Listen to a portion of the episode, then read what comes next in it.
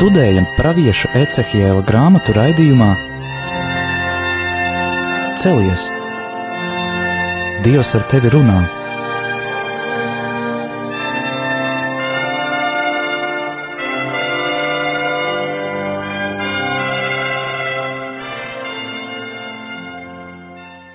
Slavēts Jēzus Kristus, mūžīgi mūžos slavēts, studijā Stela. un Anģela.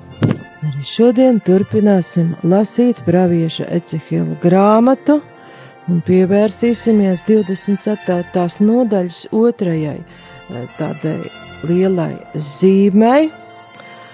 Iepriekšējā reizē mēs vēl runājām par to katlu, kurā vārās gaļa, ko tas nozīmē un kā tas attiecas uz šo aplenkto Jeruzalemes pilsētu, no kurienes cilvēki netiks ārā, bet šodien mēs jau runāsim par Ecihēla sievas nāvi kā zīmi, kā zīmi tam, ka dižā skaistā pilsēta ies bojā, ka haldeju valdnieks to iekaros.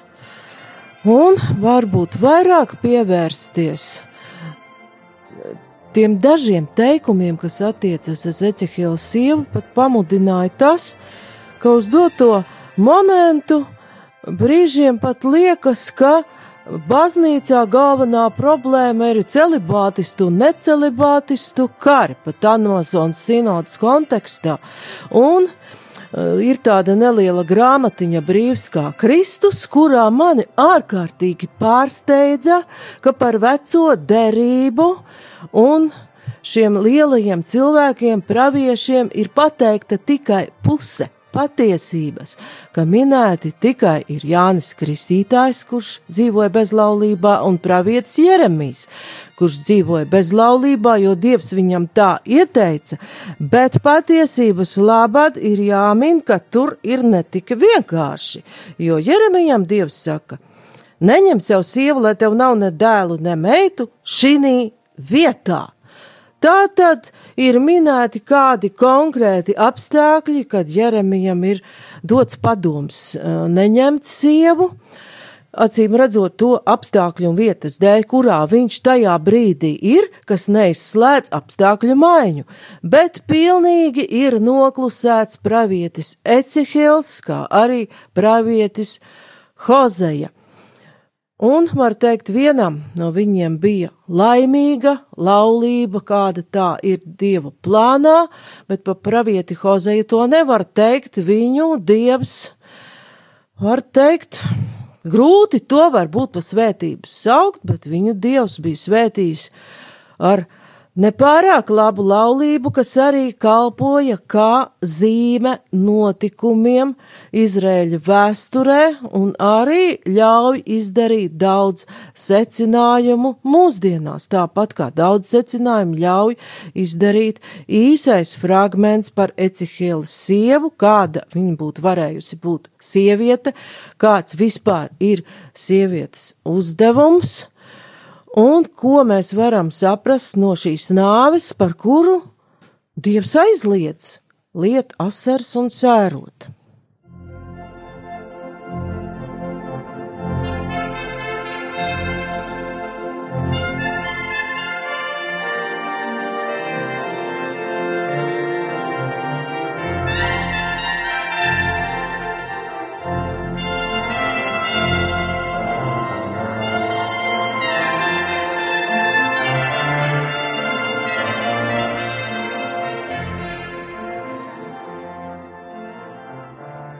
Tagad jau vairāk pievērsīsimies tieši šiem 24. nodaļas fragmentam.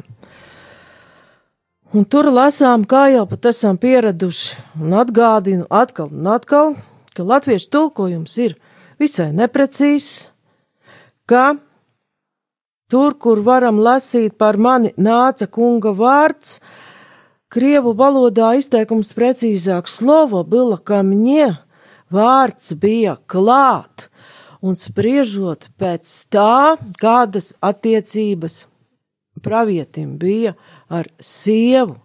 un atceroties, kā laulība ir raksturota radīšanas grāmatā, tie bija viena miesa, mēs varam secināt, ka arī pravieša sieva bija iegremdējusies šajā dieva vārdā, un šis vārds bija abiem laulātajiem klātesošs.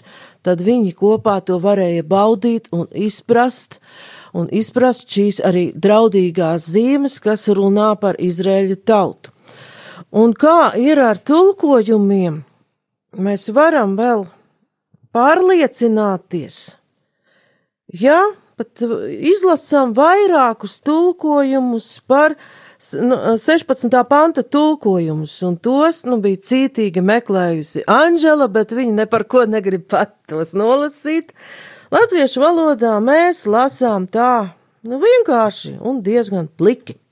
Cilvēka bērns, redzi, es atņemšu tev tavu acu jaukumu ar kādu gadījumu, bet tev nebūs skumt un raudāt nec asars liet, klusībā tu vari nopūsties, bet nerīko sēru atceri, uzliept savu galvas segu un apvelt savas kurpes kājās. Neaizklāj savu bārdu un nē to sēru maizi, ko tev piesūta. No rīta es vēl runāju uz tautu, bet vakarā jau nomira mana sieva. Tajos pantos, kas tālāk, 17. un tālāk tur ir īsi pateikts par tiem paradumiem un tradīcijām, kādas bija jūdu tautā, ja nomira tuvinieks. Šī sēru atcere, kaila galva, pasas kājas, baizklāta vārda un arī Apkārtējie radi, draugi, kaimiņi sūtīja tam, kurš ir zaudējis kādu tuvinieku, sēru ēdienu. Runāts par maizi, nu, tur it kā ir bijušas arī lēcas. Bet te pravietim tiek ieteikts to nepieņemt, izturēties tā, it kā nekas nebūtu bijis, un vēl varam ievērot, kā Dievs pravieti par šo notikumu brīdina jau savlaicīgi. Tā tad viņš var būt jau sirdī gatavs. Un Dievs viņam ļauj arī savā sirdī sievu pieminēt. Bet te mēs lasām tā, es atņemšu tev, tev acu jaukumu ar kādu gadījumu. Vienā no krievu tulkojumiem varam lasīt kas tagad es mēģināšu piedāvāt šos tulkojumus, kuri, ap citu, visi ir krievu valodā, no, ko, no kā mēs redzam, kādas ir tulkošanas un valodas iespējas, un cik dažādi var interpretēt un pārtulkot vienu un to pašu pantu. Un tas sinodālais, kas ir pat tas labākais, skan Вот я возьму у тебя язвую утеху очей твоих. Но ты не сетуй и не плачь, и слезы да не выступают на тебя. Tad es paņemšu tavu acu jaukumu, acu prieku, jāsvoju, nu tā tad ar kādu slimību. Un ar jāzvu parasti atzīmēju kādu grūtu slimību, tādu kā čūlu. Tāds, tas bija tāds uh, grūta slimība, liels posts. Un jaunais krieva tulkojums Sinčelevičiski. Ja одним ударом отниму у тебя усладу глаз твоих. Tad ar vienu triecienu tātad Dievs rīkojas ātri, un šī sieva aiziet mūžībā. Vēl cits tulkojums savremenī, tas ir mūsdienu, Я тебе посылаю беду, отниму у тебя радость твоих очей. Es tev sūtu nelaimi. Bibliskā līga, tātad Bībeles līgas tulkojums ir garāks un izsaka kaut ko vairāk, un tur būtu interesanti salīdzināt pat ar šo tekstu, kā viņš vecajā derībā ir oriģināli rakstīts. Сенчеловечески ты сильно любишь свою жену, но я собираюсь забрать ее у тебя. Твоя жена внезапно умрет, но ты не должен показывать свои pečaļi. Tātad šis tulkojums uzsver to, ka pravietis stipri mīl savu sievu, un Dievs brīdina, ka es gatavojos viņu zabrać, ja jau ucibjā tas ir paņemt viņu prom no tevis. Un šis tulkojums jau ļauj drusciņi virzīties jaunās derības virzienā. Si paņemts prom, tas vēl nenozīmē zaudēts pilnībā uz visiem laikiem. Vēl kāds tulkojums jau mūsdienu Сын человеческий, ты любишь жену свою, но я собираюсь забрать ее у тебя. Жена твоя скоро умрет, но ты не должен показывать печали своей. Tālāk jau mazliet vairāk saskan ar to, ko lasījām pirmo. Отниму у тебя от, отраду твоих очей неожиданно умрет твоя жена но ты не скорби, не плачь, слез не lej. Un vēl tāds Jungerova tulkojums. Вот я беру у тебя язвою у тех очей твоих, не плачь, не рыдай, и пусть не выступает у тебя слезы.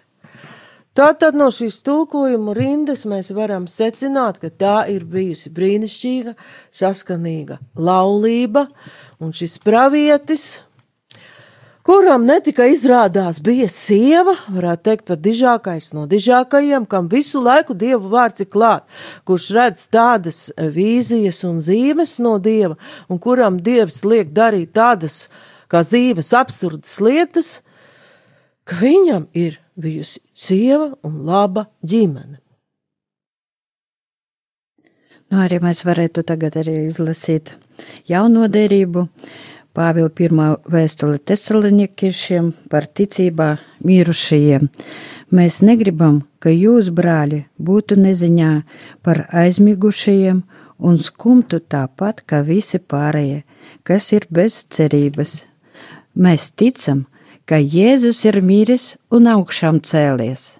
Tāpat arī Dievs tos, kas Jēzus žēlastībā aizmiguši, augšām cels līdz ar viņu. Paldies! Un šis jaunās derības teksts jau paskaidro to, kāpēc ir tā,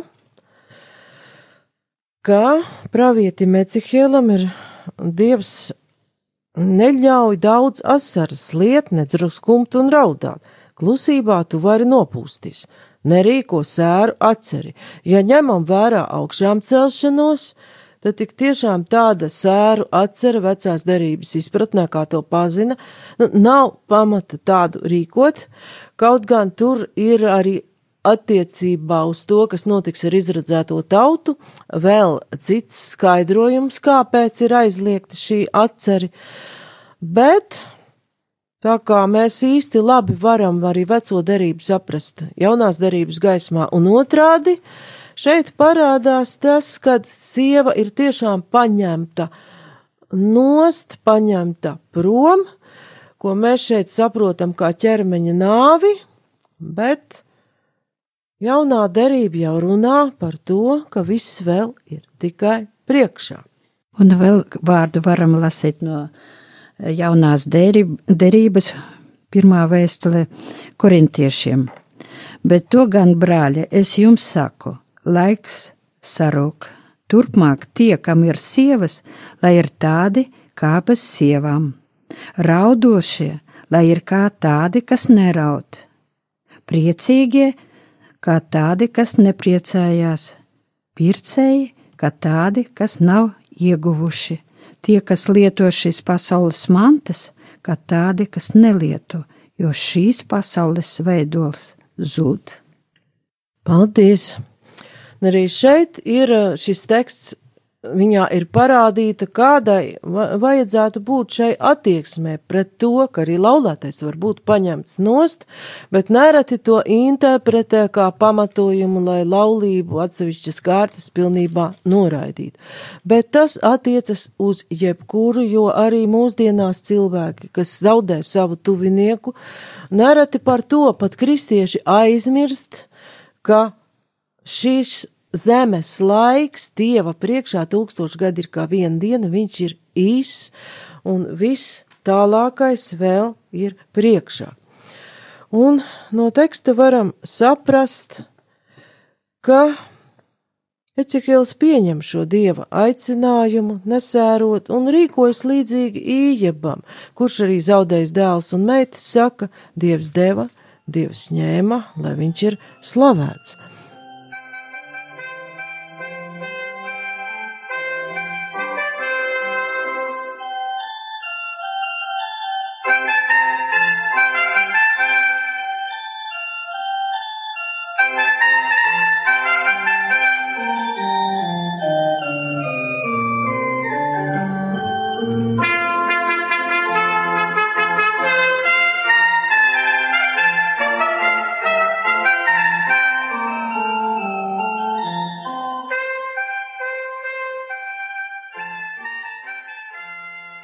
Ja mēs skatītos vēl vecās darības tekstus par praviešiem, arī lieliem vīriem, kam ir sieva, mēs varam redzēt ne tik labus paraugus, kā tas ir ar Hozeju, un arī tur liekas dīvaini, kāpēc Dievs tā rīkojas,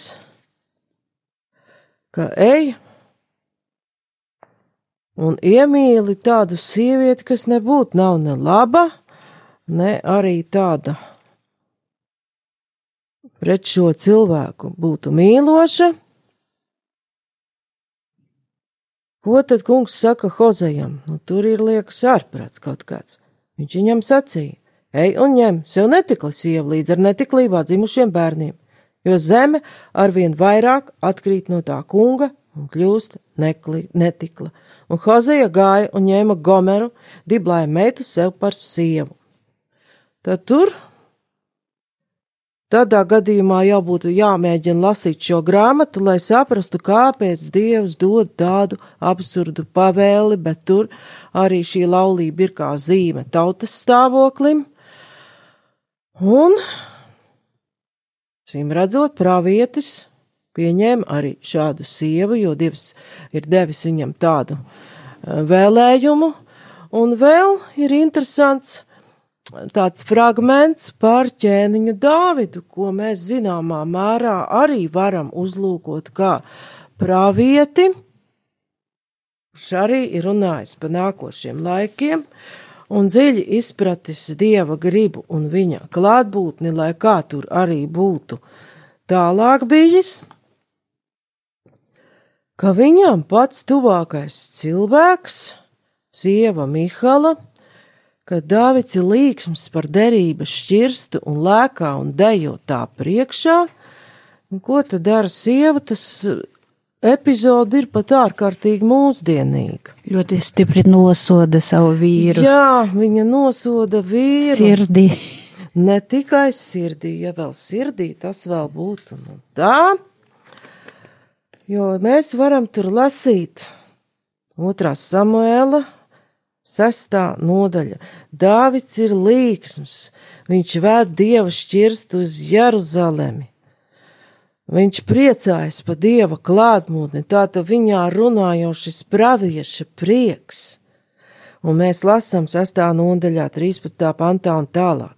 Kad tā kunga šķirsta nesēja bija pagājuši sešus soļus, tad viņš upurēja vērsi un barotu teļu, tātad Dāvids nes upurs un Dāvids dejoja no visas savas sirds tā kunga priekšā. Un Dāvids bija apjosts tikai ar linu efodu. Tā Dāvids un viss Izraēla nams pārveda kalnu tā kunga šķirstu ar gavilēm un tauras skaņām. Tātad viņš ir bijis arī apjosts tikai ar linu efodu, tādu vienkāršu linu apģērbu, Un varbūt kāds tur ļoti nav nekāda ķēniņa apģērba, nav nekādu liturģisko drēbju, nu, bez maz pliks un vēl dejo. Bet viņi kāpja kalnā, tātad svēto pilsētu, un notika, kad tā kunga šķirstu nesa iekšā Dāvida pilsētā, tad Mihala, saula meita bija izliekusies pa logu un skatījās, kad viņa ieraudzīja ķēniņu Dāvidu, lēkājam, un dejas solītā kunga priekšā dejojam, viņa to nonicināja un ienīda savā sirdī. Tātad tai sirdī notika tas naids, ka ķēniņš nerīkojas un neizskatās ķēnišķīgi. Un Mihala to savu attieksmi nepatur pie sevis. Sestā nodaļā 20. pāntā mēs lasām, ka Dāvids atgriezās, lai sveicinātu savu namu. Viņš ir priecīgs. Viņš atgriežas pie mīļotās sievas.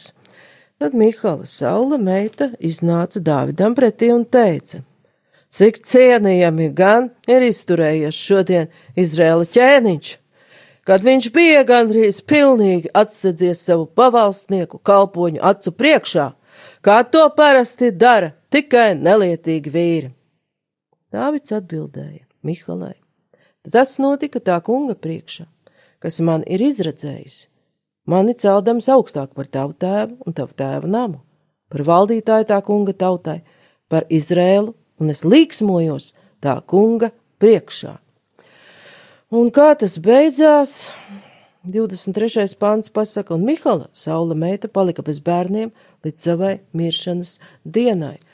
Un garīgā nozīmē mēs varam to saprast, ka šī aizvēršanās pret otru cilvēku un augstprātība arī e, garīgā nozīmē nekādu auglību nedod. Tātad viņa paliek aizvērta gan uz dzīvību fiziskā izpratnē, gan arī uz šo dzīvību, kas nāk no derības šķirste uz dieva izprašanu, ko viņa varētu saņemt no šī sava vīra, šī dejojošā pravieša ķēniņa Dāvida.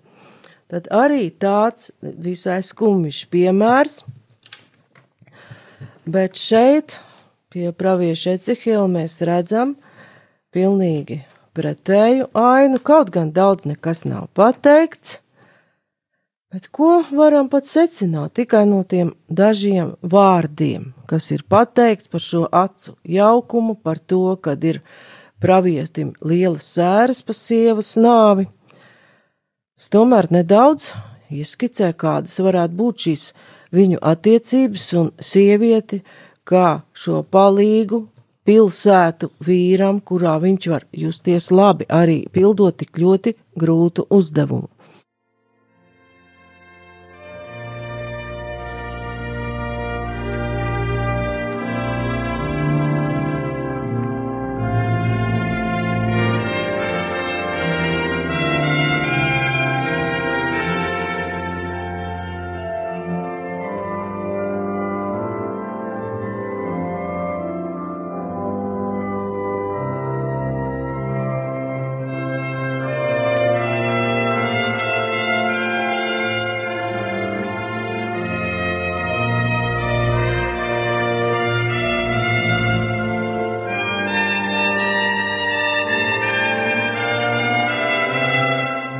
Varētu izlasīt uh, iepu grāmatā.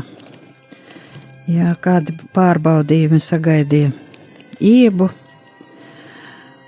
Šis vēl runā, jau cits nāk un saka, tavi dēli un tavas meitas ēda un vīnu dzēra pirmdzimtā brāļa namā, un redzi, liels vējš nāca tuksnesim pāri un satrieca četrus nama stūrus, un tas sagro par jaunekļiem, un tie pagalam.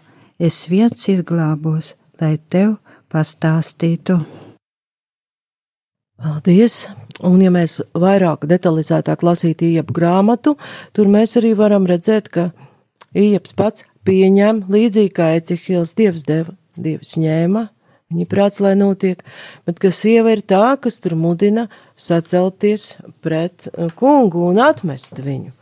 Tad, bet pievēršoties Ecihēlam, liekas, kāpēc ir minēts šis acu jaukums, tāda skaistuma klātbūtne. Var saprast, ka šī sieviete ir bijusi gan sirds gudra, gan vēlējusies būt skaista savam vīram, kas liecina par ļoti dziļu viņu saprašanos, ka viņa cīm redzot ir bijuši iepriecināti viens par otra klātbūtni, arī par to, kāds otrs izskatās, kāds otrs ir, un savā ziņā ir īstenojuši dzīvē šos dziesmu, dziesmas augstās dziesmas vārdus, kur ir atrodama gan autors ir rakstījis par to, kā vīrietis redz sievieti un priecājas par viņu, gan arī par sievieti, kura priecājas par savu vīrieti, par savu mīļoto cilvēku. Un tur ir dažas tādas nelielas nianses, ka viņi tomēr redz mazliet atšķirīgi.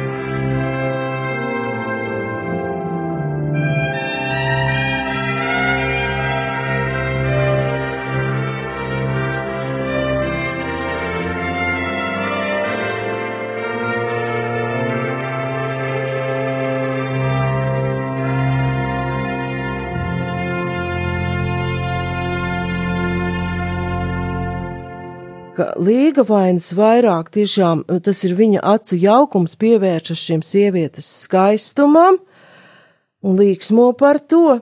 Tu esi skaista, mana draudzene, kā tirca, mīlīga kā Jeruzaleme. Atkal ir šis salīdzinājums par šo pilsētu, bet reizēm gan briesmīga kā naidīgi karapulki. Novērs savas acis no manis, jo tās mulsina mani. Tavi mati ir kā ganāmpulks kazu, kas lejup virzīdamās novietojušās Gileāda kalna nogāzē. Un tālāk mēs varam lasīt ļoti skaistu šo fragmentu, bet interesanti ir, ka tekstā, ko sieviete runā par savu vīrieti, 5. nodaļa un 12. pants, jā, ir pievērsts nedaudz uzmanību arī viņa redz, viņa āriena, viņa acis ir kā balūžu acis pie ūdens trautiem. Tās ir dzidras, it kā pienā mazgātas, skaistas un lielas. Bet 16. pants pasaka vēl kaut ko dziļāku, kā sieviete var redzēt savu vīrieti, un kā acīm redzot šī pravieša sieva viņa redzējusi. Viņa mute ir salda, un visā savā būtībā viņš ir ārkārtīgi pievilcīgs.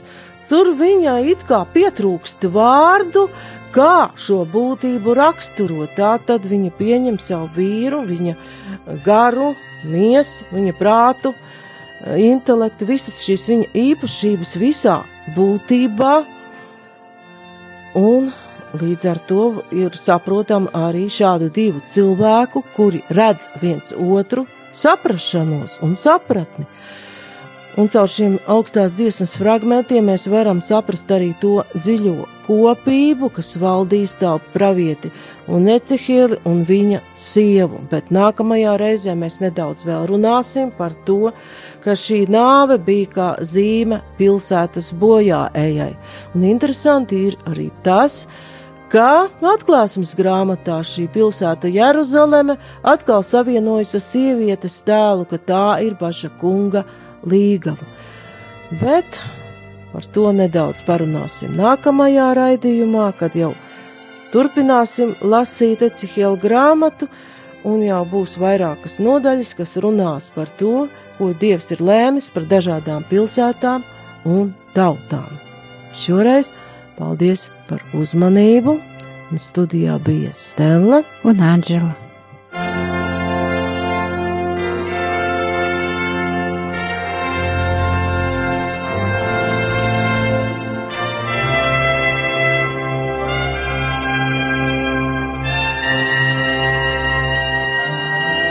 Izskanēja raidījums Celies! Dievs ar tevi runā!